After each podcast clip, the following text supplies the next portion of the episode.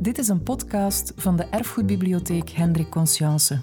Eén keer per maand op zondagochtend kun je bij ons terecht voor een notenboomlezing. In deze lezingen bekijken we de maatschappij en cultuur van vandaag door een historische bril. Je kan ze hier herbeluisteren. We wensen je heel veel luisterplezier. Dames en heren, goedemorgen dus. Ehm, ik heb vandaag een lezing voorbereid die een klein uurtje zal duren.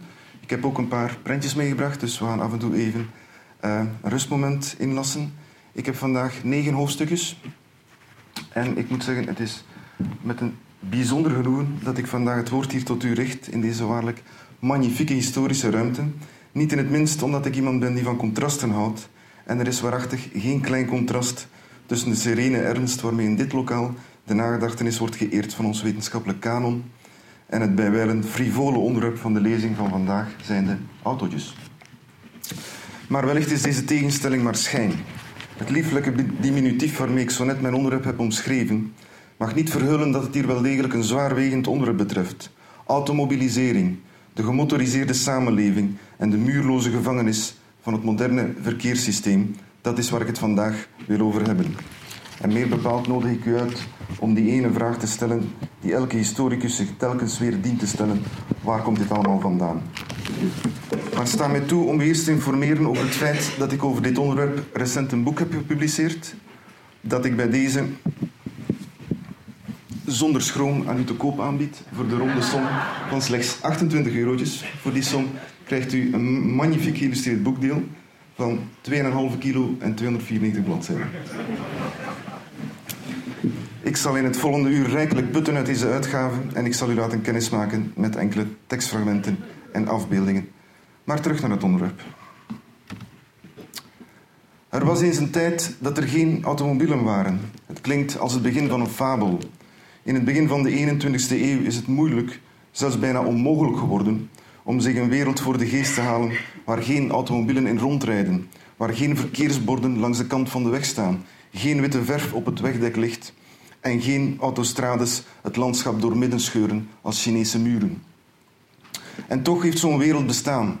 Hij ligt niet eens zelfs zo ver achter ons. Amper een goede 120 jaar geleden, in de jaar 1890 pas, zijn de eerste gemotoriseerde voertuigen verschenen. Onze overgrootouders zijn nog geboren in een wereld waar kinderen op straat speelden en mensen na de zondagsmis gewoon midden op het dorpsplein bleven babbelen. De automobiel heeft onze openbare ruimte op de meest ingrijpende wijze veranderd. Het verschijnen van gemotoriseerd verkeer op de openbare wegen op het einde van de 19e eeuw veroorzaakte sociale conflicten en een verstoring van de publieke orde. Al te vaak was er bloed in de straten, letterlijk, wanneer de baron de Saint-Aleur, de baronnen van 100 per uur zoals de mensen zegden, waren voorbijgeraast. De nieuwe voertuigen werden evenzeer gehaat als bewonderd. Er was schandaal in de pers, discussie in het parlement, confrontatie op de straat. Maar in een liberaal en geïndustrialiseerd land als België was er niets dat de automobiel kon tegenhouden.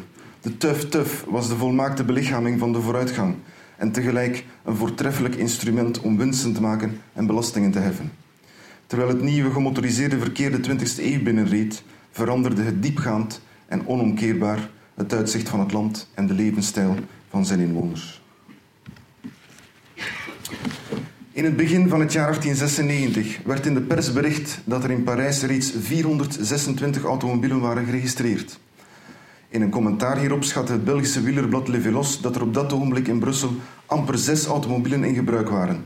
Maar drie jaar later publiceerde de Franse Annuaire Général de l'Automobilisme een lijst met namen van bijna 500 Belgische automobielijgenaars. Tussen 1900 en 1914 stegen de cijfers van automobiel- en motorfietsbezit van ruim 1000 tot meer dan 16.000. Met dus ongeveer één gemotoriseerd voertuig per duizend inwoners plaatste de Amerikaanse historicus James Law België in 1907 op een derde plaats in de wereldranglijst van gemotoriseerde landen. Een plaats die België deelde met Frankrijk op enige afstand van de Verenigde Staten en Groot-Brittannië, maar vele lengtes voor op de rest van de wereld. België, een klein maar dicht bevolkt en sterk geïndustrialiseerd land, was een early adopter van gemotoriseerd verkeer. Het effect van automobielbezit op de openbare wegen was voor de Eerste Wereldoorlog natuurlijk nog eerder beperkt. Een verkeersstelling in Neetrondernacht wees uit dat er op elke 100 voertuigen die op een willekeurige dag passeerden op een grote weg, er gemiddeld 48 gespannen waren, 48 fietsen en slechts drie automobielen en één motorfiets. Er kwam wel reeds in een vroeg stadium een automobielindustrie tot stand in België. De eerste fabriek werd al opgericht in 1894, vanaf 1898 gevolgd door een reeks andere. Tegen 1905 waren er meer dan 20 bedrijven in België actief in de automobielproductie. Ze controleerden de helft van de binnenlandse markt en exporteerden met succes luxe wagens. Het best verkochte Belgische automerk voor de Eerste Wereldoorlog was Germain, vandaag de dag onbekend. Maar toen was het gekend als de Belgische Panard Elevazor, een Frans luxemerk van toen. In 1901 was één op de drie automobielen in België een Germain. Het was dan ook het leidende Belgische automerk tot de Eerste Wereldoorlog, toen het Duitse leger de fabriek vernielde. Uh, ik ga nu even een paar foto's tonen. Dit is een voorbeeld van een van de allereerste automobielen. Zoals u ziet is het eigenlijk gewoon een koets waar men de paarden van heeft weggehaald. Het stuur is nog een stang die in het midden zit van de automobiel. De passagiers kijken in de ogen van de chauffeur. Dit is een voorbeeld van vele jaren later, 1913, 15 jaar later ongeveer. Zoals u ziet is dat dit al heel wat meer uh, het moderne automobielmodel geworden zoals we het kennen. Let op dat het nog altijd open modellen zijn. De gesloten modellen dateren maar van de jaren 1920. Er was dus enkel een ruitje vooraan dat uh, zelfs beweegbaar was en gebruikt werd om de regen en de wind tegen te houden. Dit is een uitstapje van de Automobielclub van Gent in, 1900, in 1899. Let vooral op de grote diversiteit aan vervoermiddelen die toen nog in gebruik waren. Uh, de persoon die het privilege geniet van een kussentje te hebben is uh, Graaf de Antine, ook de voorzitter van de Automobielclub. Oké, volgende deeltje. Waarom beginnen mensen automobielen te gebruiken? Als we het vroegste automobilisme analyseren, dan komen er vier motieven steeds weer bovendrijven. Ten eerste kracht. Controle kunnen uitoefenen over machines, technologie en ruimte. De kracht door techniek van de ingenieur en het bovenmenselijke vermogen van de cyborg, het hybride man-wagen-wezen. Ten tweede snelheid. De emotionele beloning van een roes van opwinding veroorzaakt door snel te bewegen. Ten derde vrijheid om stoutmoedig de wijde horizon te kunnen tegemoetrijden en nieuwe werelden te verkennen. En ten vierde status, automobilisme als sociaal kapitaal en een gelegenheid om te netwerken.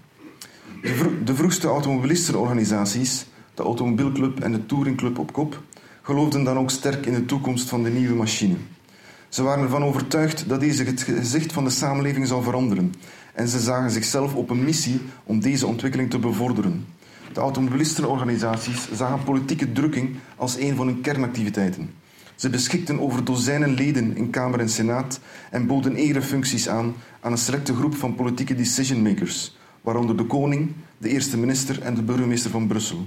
Ze hadden directe toegang tot ministeriële kabinetten en de administratie en richtten zich rechtstreeks tot het parlement en andere beleidsniveaus. Tegen 1910 bestond reeds driekwart van de Belgische Senaat uit automobielbezitters. Het vroegste Belgische automobilisme was dan ook stevig verankerd in de hoogste kringen van de Belle Époque.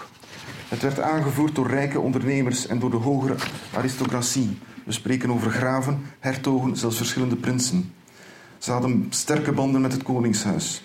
Elk jaar werd er een zogenaamd automobielfeest gehouden in Spa, waar een internationale jetset bijeenkwam om hun automobielen te bewonderen en om onderling demonstraties en races te organiseren. Dit alles uiteraard rijkelijk overgoten met banketten, picknicks, cocktailparties en lampenparades. In het winterseizoen was het hoogtepunt het, auto het automobielsalon van Brussel, dat steeds duizenden bezoekers kon aantrekken. Kroonprins Albert bijvoorbeeld, een overtuigde liefhebber, sinds zijn eerste proefrit met een automobiel in 1896 liet nooit de gelegenheid voorbijgaan om het autosalon te bezoeken. In het zomerseizoen dan was de kalender volgepropt met autoraces. De beroemdste wedstrijd was het zogenaamde Circuit des Ardennes, gereden van 1902 tot 1907. Deze race was tevens de eerste automobielwedstrijd ter wereld die werd gereden op een eigen circuit, niet langer op de openbare weg. De Franse badplaats Nice aan de Côte d'Azur was de favoriete toeristische zomerbestemming van rijke Belgische automobielijgenaars. En gedeeltelijk om hier tegen in te gaan, liet koning Leopold II in 1904 de allereerste autoweg bouwen in België. De nieuwe weg, die al snel de Koninklijke Baan werd geheten, vertrok vanuit Oostende, de favoriete badplaats van de koning, richting Parijs. De bedoeling was om rijke Parijse automobielijgenaars naar de Belgische kust te lokken. De automobiel was in het begin, zo mag ondertussen duidelijk geworden zijn, in hoofdzaak een rijke luisspeeltje. Niettemin, vanaf het begin was het ook duidelijk dat het nieuwe vervoermiddel een potentieel had dat veel verder ging dan dat van een speelgoedje. De tijden waren aan het veranderen en een groot aantal maatschappelijke praktijken stond aan de rand van een diepgaande transformatie. De automobiel was geroepen om hierin een eerste rangsrol te spelen. Dit werd duidelijk geïllustreerd door enkele nostalgische gedachten die een dokter in 1900 liet optekenen, mijmerend over de veranderingen in zijn beroep die er zaten aan te komen. In zijn trage paard met kar had een dokter tot dan eigenlijk de hele dag nodig gehad om zijn patiënten op de boerenbuiten te bezoeken. Mensen die hij onderweg passeerde hielden hem dan ook vaak tegen voor een praatje, veelal op zoek naar gratis medisch advies. In veel gevallen werd zelfs niet de moeite gedaan om een dokter te laten komen. Immers, tegen dat ze ter plaatse geraakten was het vaak al te laat. Maar nu, met een automobiel. Een dokter zou voortaan al zijn bezoeken kunnen afleggen in een uur of twee en toch nog tijd overhouden in de avond om bij te studeren.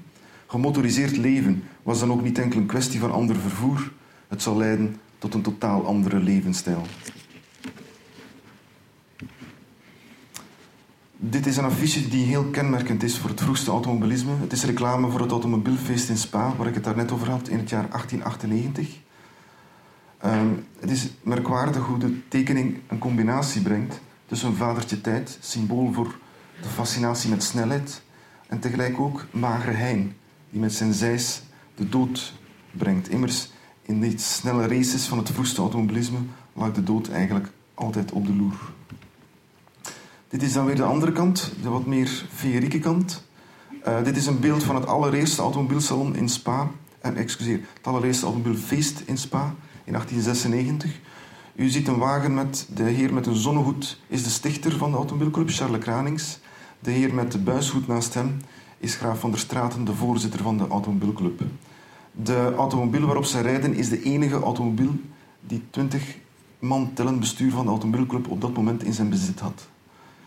Uh, graaf van der Straten Ponto was passagier. De, voorzitter van de, de eerste stichtende voorzitter van de automobielclub heeft namelijk in heel zijn leven nooit leren autorijden. Uh, u ziet hier een beeld van een zogenaamde uh, parade de fleur, eigenlijk, een, een, een, bloemenparade, waarbij men de automobielen ging versieren en in optocht ging houden. Oh, iets te snel. Dit is nog een affiche voor het salon van de automobiel deze keer. Het vijfde salon, nog in de jaren 90 eigenlijk. Dit is een beeld van het automobielsalon. Dit is van 1902. U ziet uh, de Saint-Contenaire uh, in Brussel. Half Eeuwfeestpaleis heette het toen. En dit is een typisch beeld van een uitstapje zoals dat toen werd gemaakt door rijke automobielijgenaren. Um, de man met de pet op, op de voorgrond is eigenlijk de chauffeur-mechanicien die in dienst is om met de auto te rijden. Maar u ziet dat de rijke automobielijgenaar zelf achter het stuur heeft plaatsgegrepen. Immers, eh, het plezier van automobiel uitstapjes was eigenlijk het plezier van het rijden zelf met de automobiel. Op de achtergrond het kasteel waar de eigenaar woont.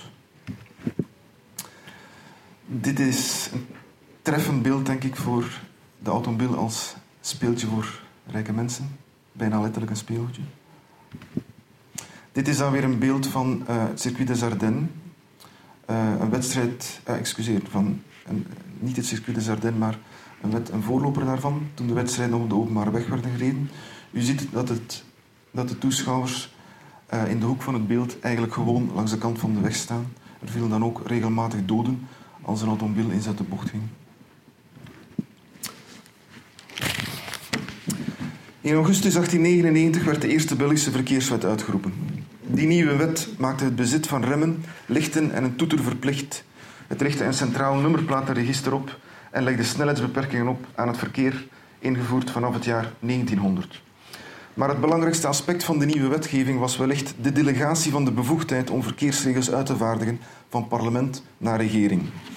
Aldus werd aan democratische organen als het parlement en de provincie en de gemeenteraden, die tot dan beslisten over het verkeer, definitief de beslissingsmacht uit handen genomen in zaken die te maken hadden met wegen en publieke plaatsen in het algemeen. Het was het begin van een langdurige alliantie tussen de automobilistenbeweging en de regering. De automobilisten van hun kant waren verlost van een vaak stringente lokale verkeersbeperkingen en de regering breidde zijn gezag uit over de publieke ruimte. Die verkeerswet van 1899 legitimeerde de aanwezigheid van gemotoriseerd verkeer op de Belgische openbare wegen voor eens en voor altijd.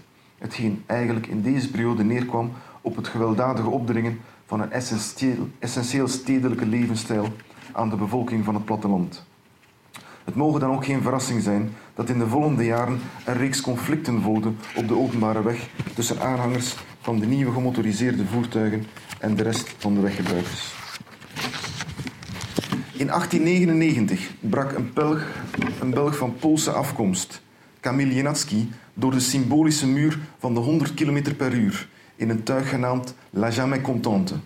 Een feit van legendarisch allooi dat in der tijd sensatie veroorzaakte in de pers.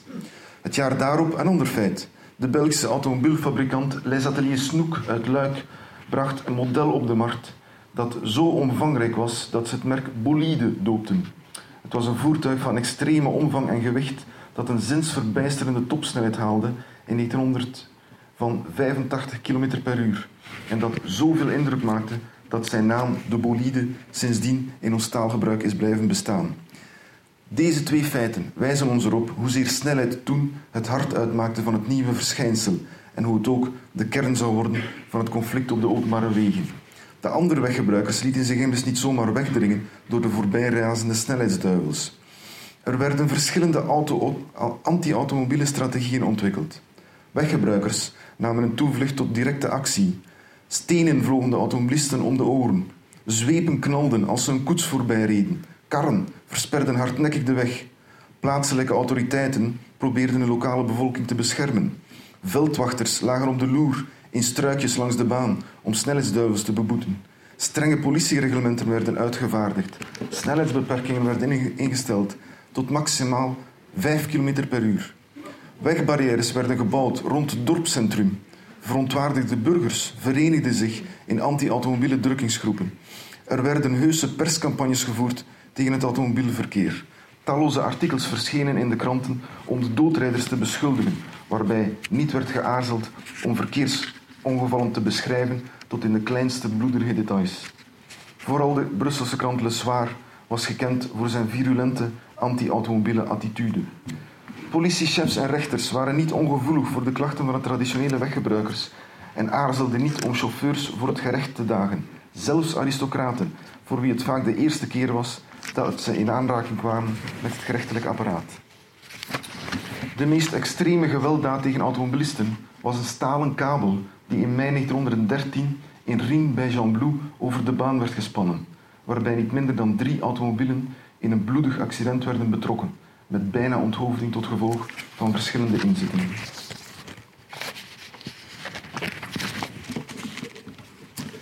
Dit is een foto van de bolide. Aan de omstaander naast de auto kunt u zien welke extreme omvang dit, dit model eigenlijk had. De man die achter het stuur zit is trouwens Kamil Zinatsky, waar ik het daar net over had, die als eerste het record vestigde van meer dan 100 km per uur op de baan.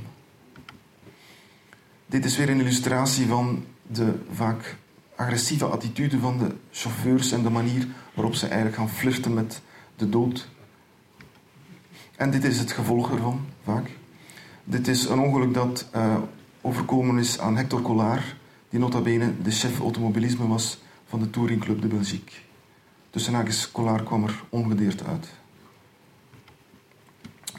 Dit is een reclame zoals die toen in de pers verscheen. Uh, het onderschrift onder de reclame is een, citaat van de man die onder de banden terechtkomt. Gelukkig, ik zal niets hebben, want ze gebruiken Engelbert banden. en dit is een voorpagina van het tijdschrift van L'Automobile België, het belangrijkste automobieltijdschrift uh, in het jaar 1902. Let vooral op hoe de automobilisten zichzelf eigenlijk portretteren als zwarte demonen die uh, uit een rook van een walm van mist komen tevoorschijn gescheurd met verblindende koplampen. En dit is de reactie daartegen. Uh, veldwachters die met verrekijkers en met klokken in de hand proberen te berekenen op hoeveel tijd een automobiel passeert van boom A naar boom B en of dat gemiddelde dan al dan niet de lokale snelheidsbeperking doorbreekt.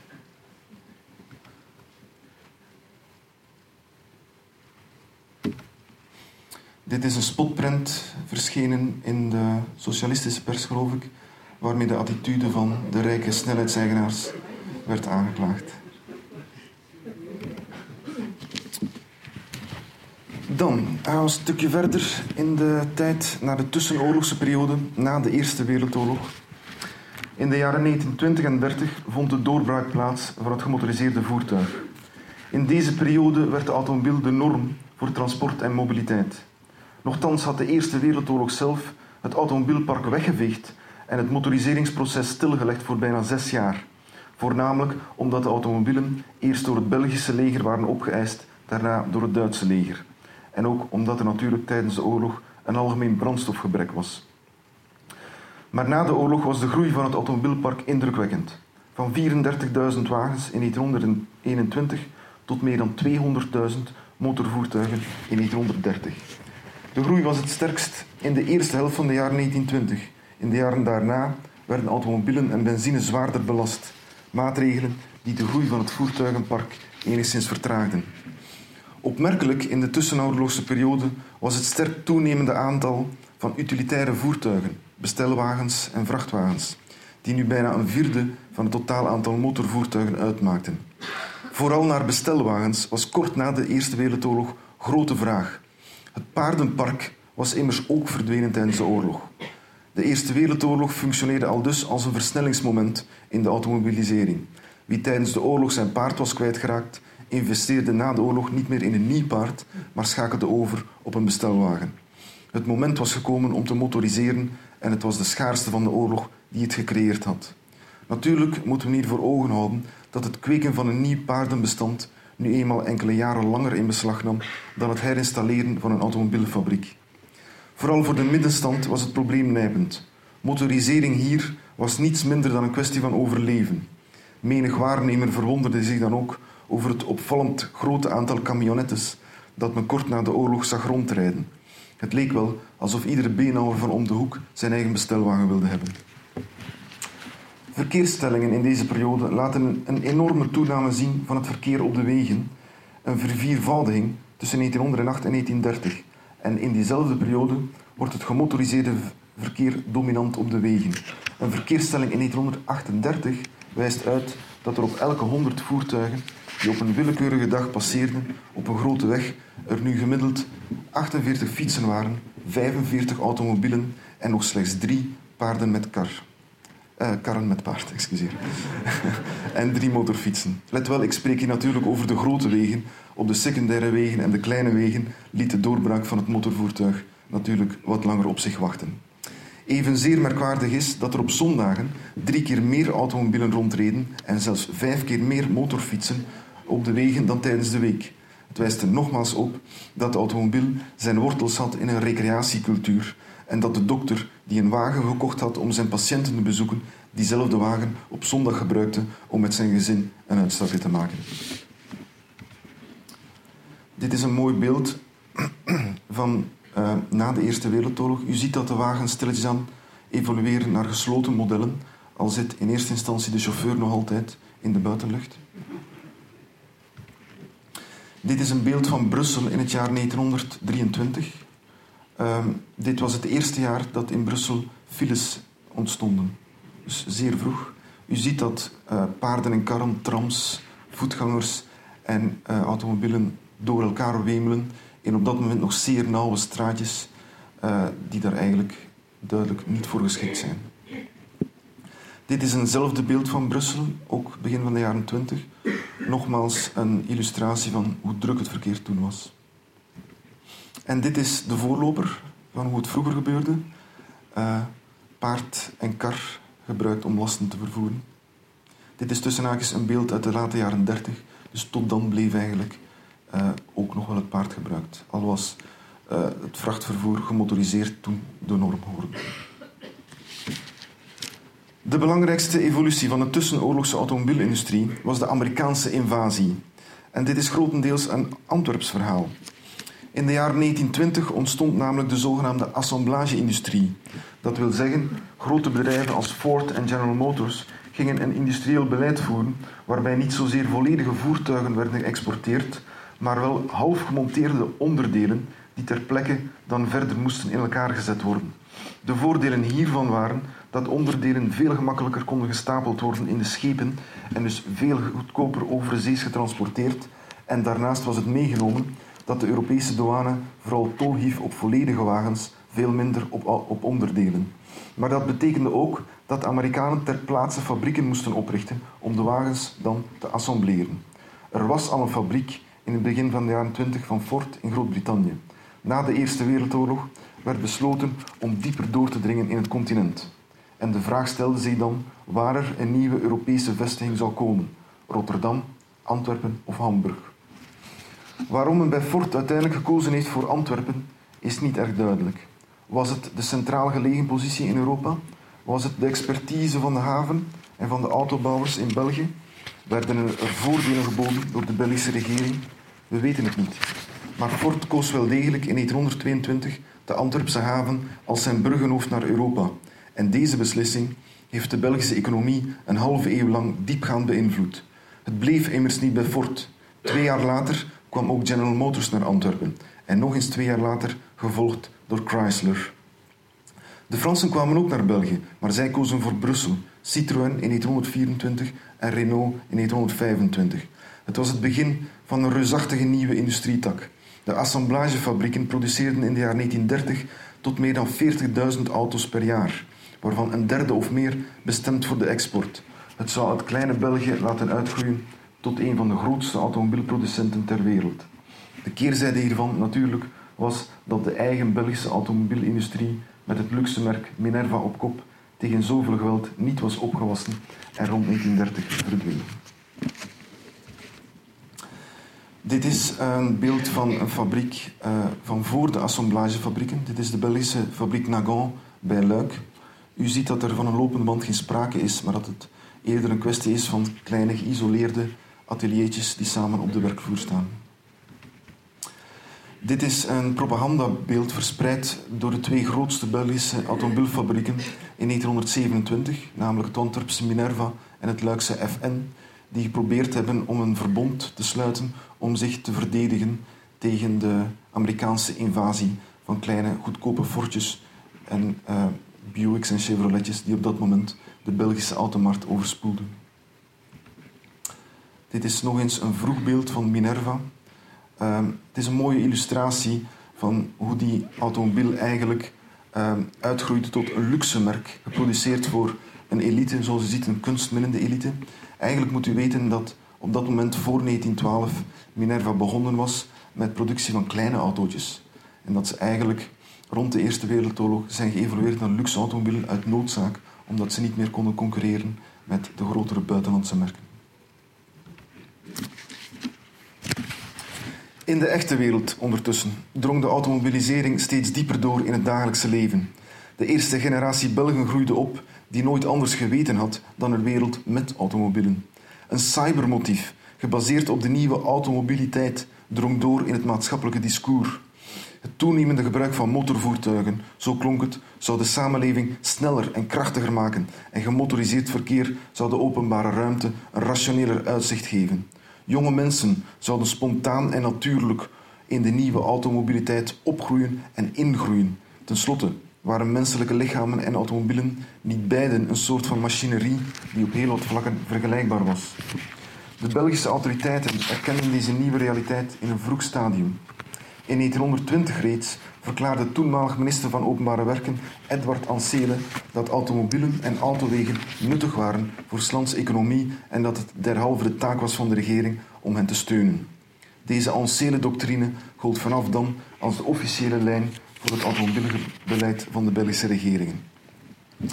Niettemin, hoewel automobielen in de tussenoorlogse periode deel werden van de normaliteit en hoewel de voorheen vaak bittere confrontaties tussen automobilisten en voetgangers stilaan tot het verleden behoorden, toch was de duistere kant van het automobilisme niet verdwenen.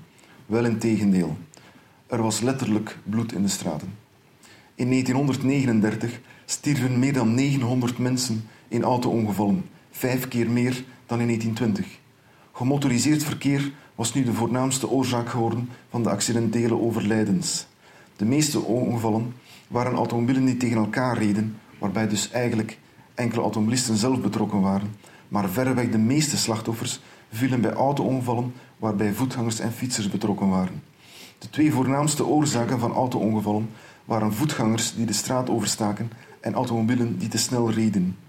Ongevallen waren in het bijzonder dodelijk op de uitgestrekte wegen op het platteland, waar immers vanaf 1925 geen snelheidsbeperking meer gold.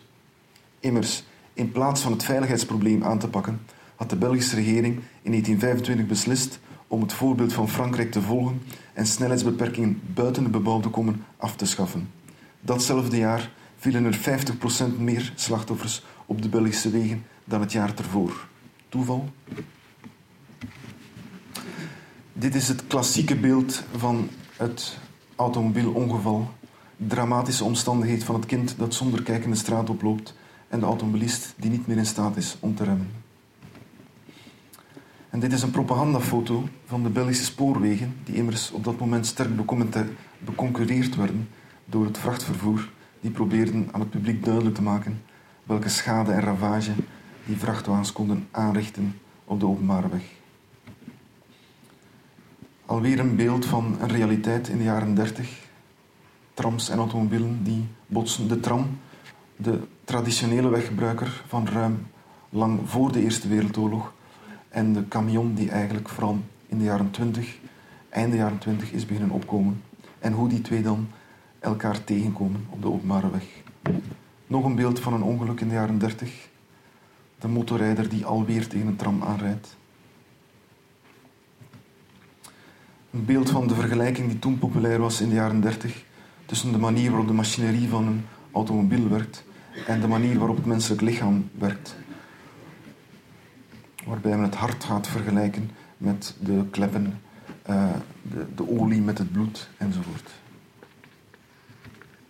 Nog een illustratie van het cybermotief. De, de atleet die een atleet is omdat zijn hart vergelijkbaar is met een verbrandingsmotor. En dit is misschien wel het meest iconische beeld van de jaren 30. De koningin, koningin Astrid, op haar lijkbed in 1936, nadat ze overleden was in een auto-ongeval veroorzaakt door haar echtgenoot, koning Leopold, die achter het stuur zat.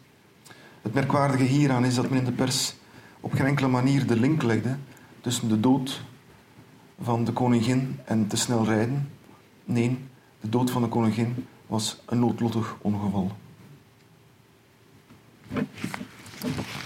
In 1987 schreef een Britse historicus, James Foreman Peck, over verkeersongevallen en ik citeer het probleem van een samenleving was en is om uit te maken hoeveel doodslag en verwondingen de enorme krachten die motorvoertuigen brengen waard zijn.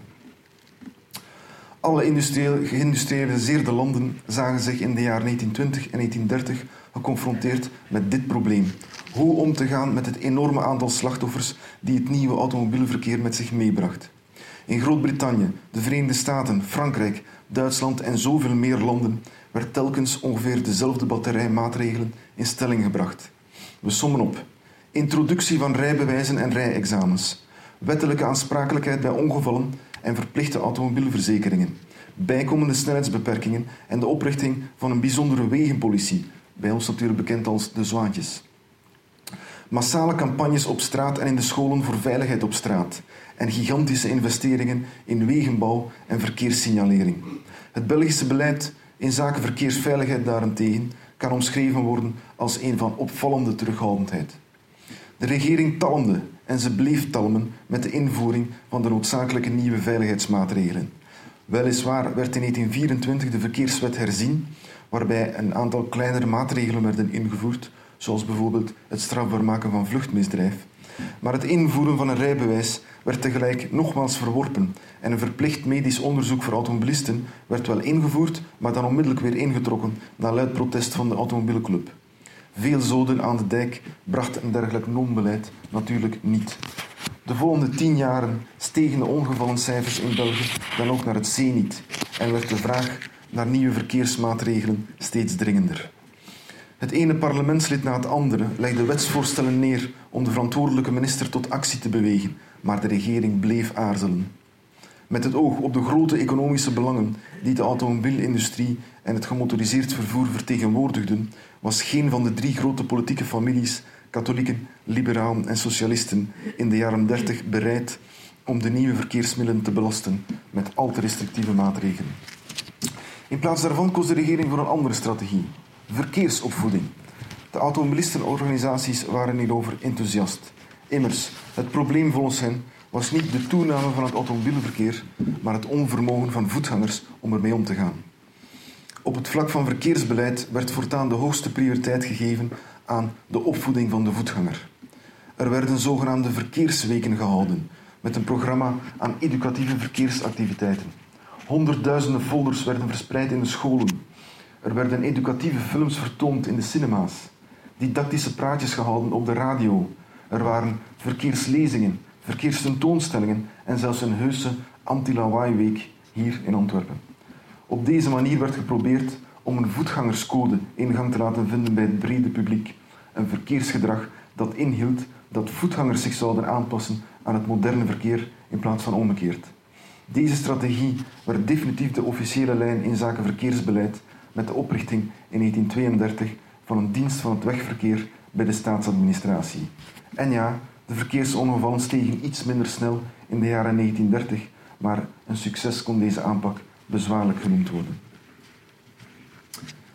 Dit is een voorbeeldje van een verkeerstentoonstelling waar ik het daarnet over had in 1934 in Luik. Een voorbeeldje van brochures zoals die verspreid werden onder het publiek om te leren hoe men zich moest gedragen in het moderne verkeer. Nog een voorbeeldje met ook uh, in de hoek de typische verkeersspijkers uh, die de voetgangers moesten dwingen om langs daar de straat over te steken. Een voorloper van wat wij nu kennen als het zebrapad. Weer een propagandafoto om de voetgangers aan te sporen om meer aandachtig te zijn in het verkeer. 1936, ook in het kader van de toenmalige verkeersweek van dat jaar. En dit is de Anti-Lawaai-week zoals die in Antwerpen werd gehouden in 1935, als ik me niet vergis. Dit is het laatste stukje. Ik ben bijna van mij verlost. Begin jaren 1930 werd een nieuwe aanpak ontwikkeld in de Belgische verkeerspolitiek.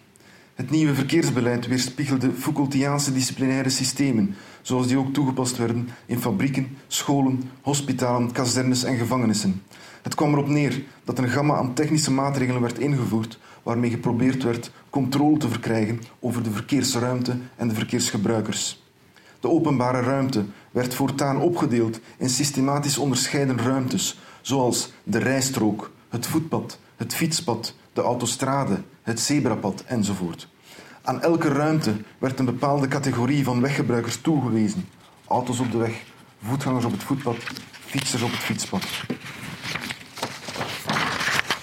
De weggebruiker moest zich al dus inschakelen in het nieuwe verkeerssysteem door aan homologatie-eisen te voorzien of à la limiet door een rijexamen af te leggen. Daarbij werd er zorgvuldig op toegezien dat weggebruikers ontdaan werden van hun individualiteit, opdat ze nog slechts uniforme elementen zouden zijn in het verkeerssysteem. Een auto was geen Renault, Ford of Buick meer, maar een nummerplaat, of beter nog, een chassisnummer. Een chauffeur was geen Jan of Mieke meer, of Baron Pierre, maar een papier van de overheid waarop stond dat de houder was toegelaten tot het verkeer. De meest zichtbare verschijningsvorm van dit nieuwe, sterk technocratisch getinte verkeersbeleid was een nieuw verkeersreglement dat in 1934 verscheen en dat maar liefst drie keer zoveel artikels bevatte als het vorige reglement. En natuurlijk ook het verschijnen van verkeerssignalisatie op de openbare wegen. Dat gebeurde het eerst in Brussel, waar de eerste file al verscheen in 1922 en waar dan in de loop van de jaren 1920 en 1930 geëxperimenteerd werd met nieuwe manieren om het verkeer te regelen. Eenrichtingsstraten werden ingevoerd. Er werden agenten belast met het handhaven van de orde in het verkeer, zogenaamde verkeersagenten, herkenbaar aan een karakteristieke witte stok. Er werden nu oversteekplaatsen gemarkeerd. Voorrangsregels werden voortaan opgelegd door verkeersagenten op de straat die gestationeerd werden midden op het kruispunt en met handgebaren aanwijzingen gaven. Nog later werd dit gemechaniseerd door het plaatsen van automatische verkeerslichten. Er werden ronde punten gecreëerd, zodat niet alle wagens meer kriskras over de pleinen reden. Parkeren was tot dan in principe verboden. Het was het onbewaakt achterlaten van privégoed in de openbare ruimte. Maar nu, met steeds meer pendelaars die met de automobiel naar Brussel kwamen werken, kon de stad niet anders dan mondjesmaat eerst enkele tientallen, later honderden straten open te stellen voor parkeren langs de kant van de weg. Deze evolutie werd gedragen door een nieuwe generatie van ingenieurs die in de jaren 1930 hun loopbaan begonnen in de administratie. Engineers speak with their shovels. De jonge ambtenaren waren niet begaan met veiligheid, maar wel met het optimale functioneren van de verkeersstromen. Precies de terughoudendheid van de regering om op politiek vlak van de veiligheid van de weggebruikers een prioriteit te maken, maakte de weg vrij voor een technocratische aanpak van het verkeersprobleem, waarbij niet veiligheid, maar efficiëntie de norm was. En zo moesten voetgangers en fietsers voortaan opzij voor het snelle verkeer. Werden landschappen voortaan doorsneden door autowegen die als Chinese muren lokale gemeenschappen van elkaar afsneden. Werden heel de stadswijken neergehaald en veranderd in parkeerwoestijnen. En werd de bouw aangevat van een geheel nieuw nationaal netwerk van autowegen, zonder rekening te houden met overlapping met al bestaande nationale netwerken van spoorwegen en kanalen. Om te besluiten met een citaat van een Amerikaanse collega van mij, niet toevallig uit Los Angeles, de autostad bij uitstek. Ik citeer: De weg is zijn eigen verantwoording, een slagader, het uitgangspunt bij uitstek van de gehele openbare ruimte en de technologische transformatie van natuur in een subliem landschap, een getuige van het genie van de ingenieur. Einde citaat. Dit is een voorbeeldje van een technische aanpak van het verkeersprobleem, waarbij beschreven wordt hoe een student of een leerling eigenlijk de openbare weg moet doorlopen op weg van huis naar de school. En punt per punt wordt een voorgeschreven gedrag gedicteerd. Dit is een voorbeeld van de manier waarop het verkeersprobleem werd opgevangen door heel erg veel verkeersborden langs de kant van de weg te laten verschijnen in de jaren 1930. Maar let op, verkeersborden die met veel genoegen werden gesponsord door de oliemaatschappijen, in dit geval Shell. En er wordt ook duidelijk gemaakt dat de verkeersborden in het geheel geen obstakel uh, zouden zijn voor de snelheidsbeleving van de automobilist. Nogmaals, uh, verkeersborden gesponsord, in dit geval door Motto Gasoline, een benzinemaatschappij van toen. Dit is een voorbeeld van een vroeg verkeersbord zoals door de Automobielclub uh, van België met duizenden tegelijk langs de Belgische wegen werd geplaatst. Uh, in dit geval in de jaren 1920. En dit is een foto van de, de allereerste zwaantjes. Nog niet eens de Nationale Verkeersbrigade, maar hun voorloper, uh, de Brusselse Brigade, die in 1927 in Brussel werd opgericht. Overigens uh, was de opdracht van deze brigade niet zozeer om uh, de automobilisten te beboeten, maar wel om hem te helpen en uit te leggen hoe ze zich correct moesten gedragen in het verkeer. Dit is een voorbeeldje van verkeersgedrag voor de komst van wat ik hier de technocraten noemde. Mensen zwaaiden gewoon met hun hand als ze wilden aangeven dat ze wilden afslaan. En dit is dan een voorbeeldje van hoe de ingenieurs het aanpakten daarna met verkeersborden die letterlijk tot de laatste centimeter uh, werden voorgeschreven.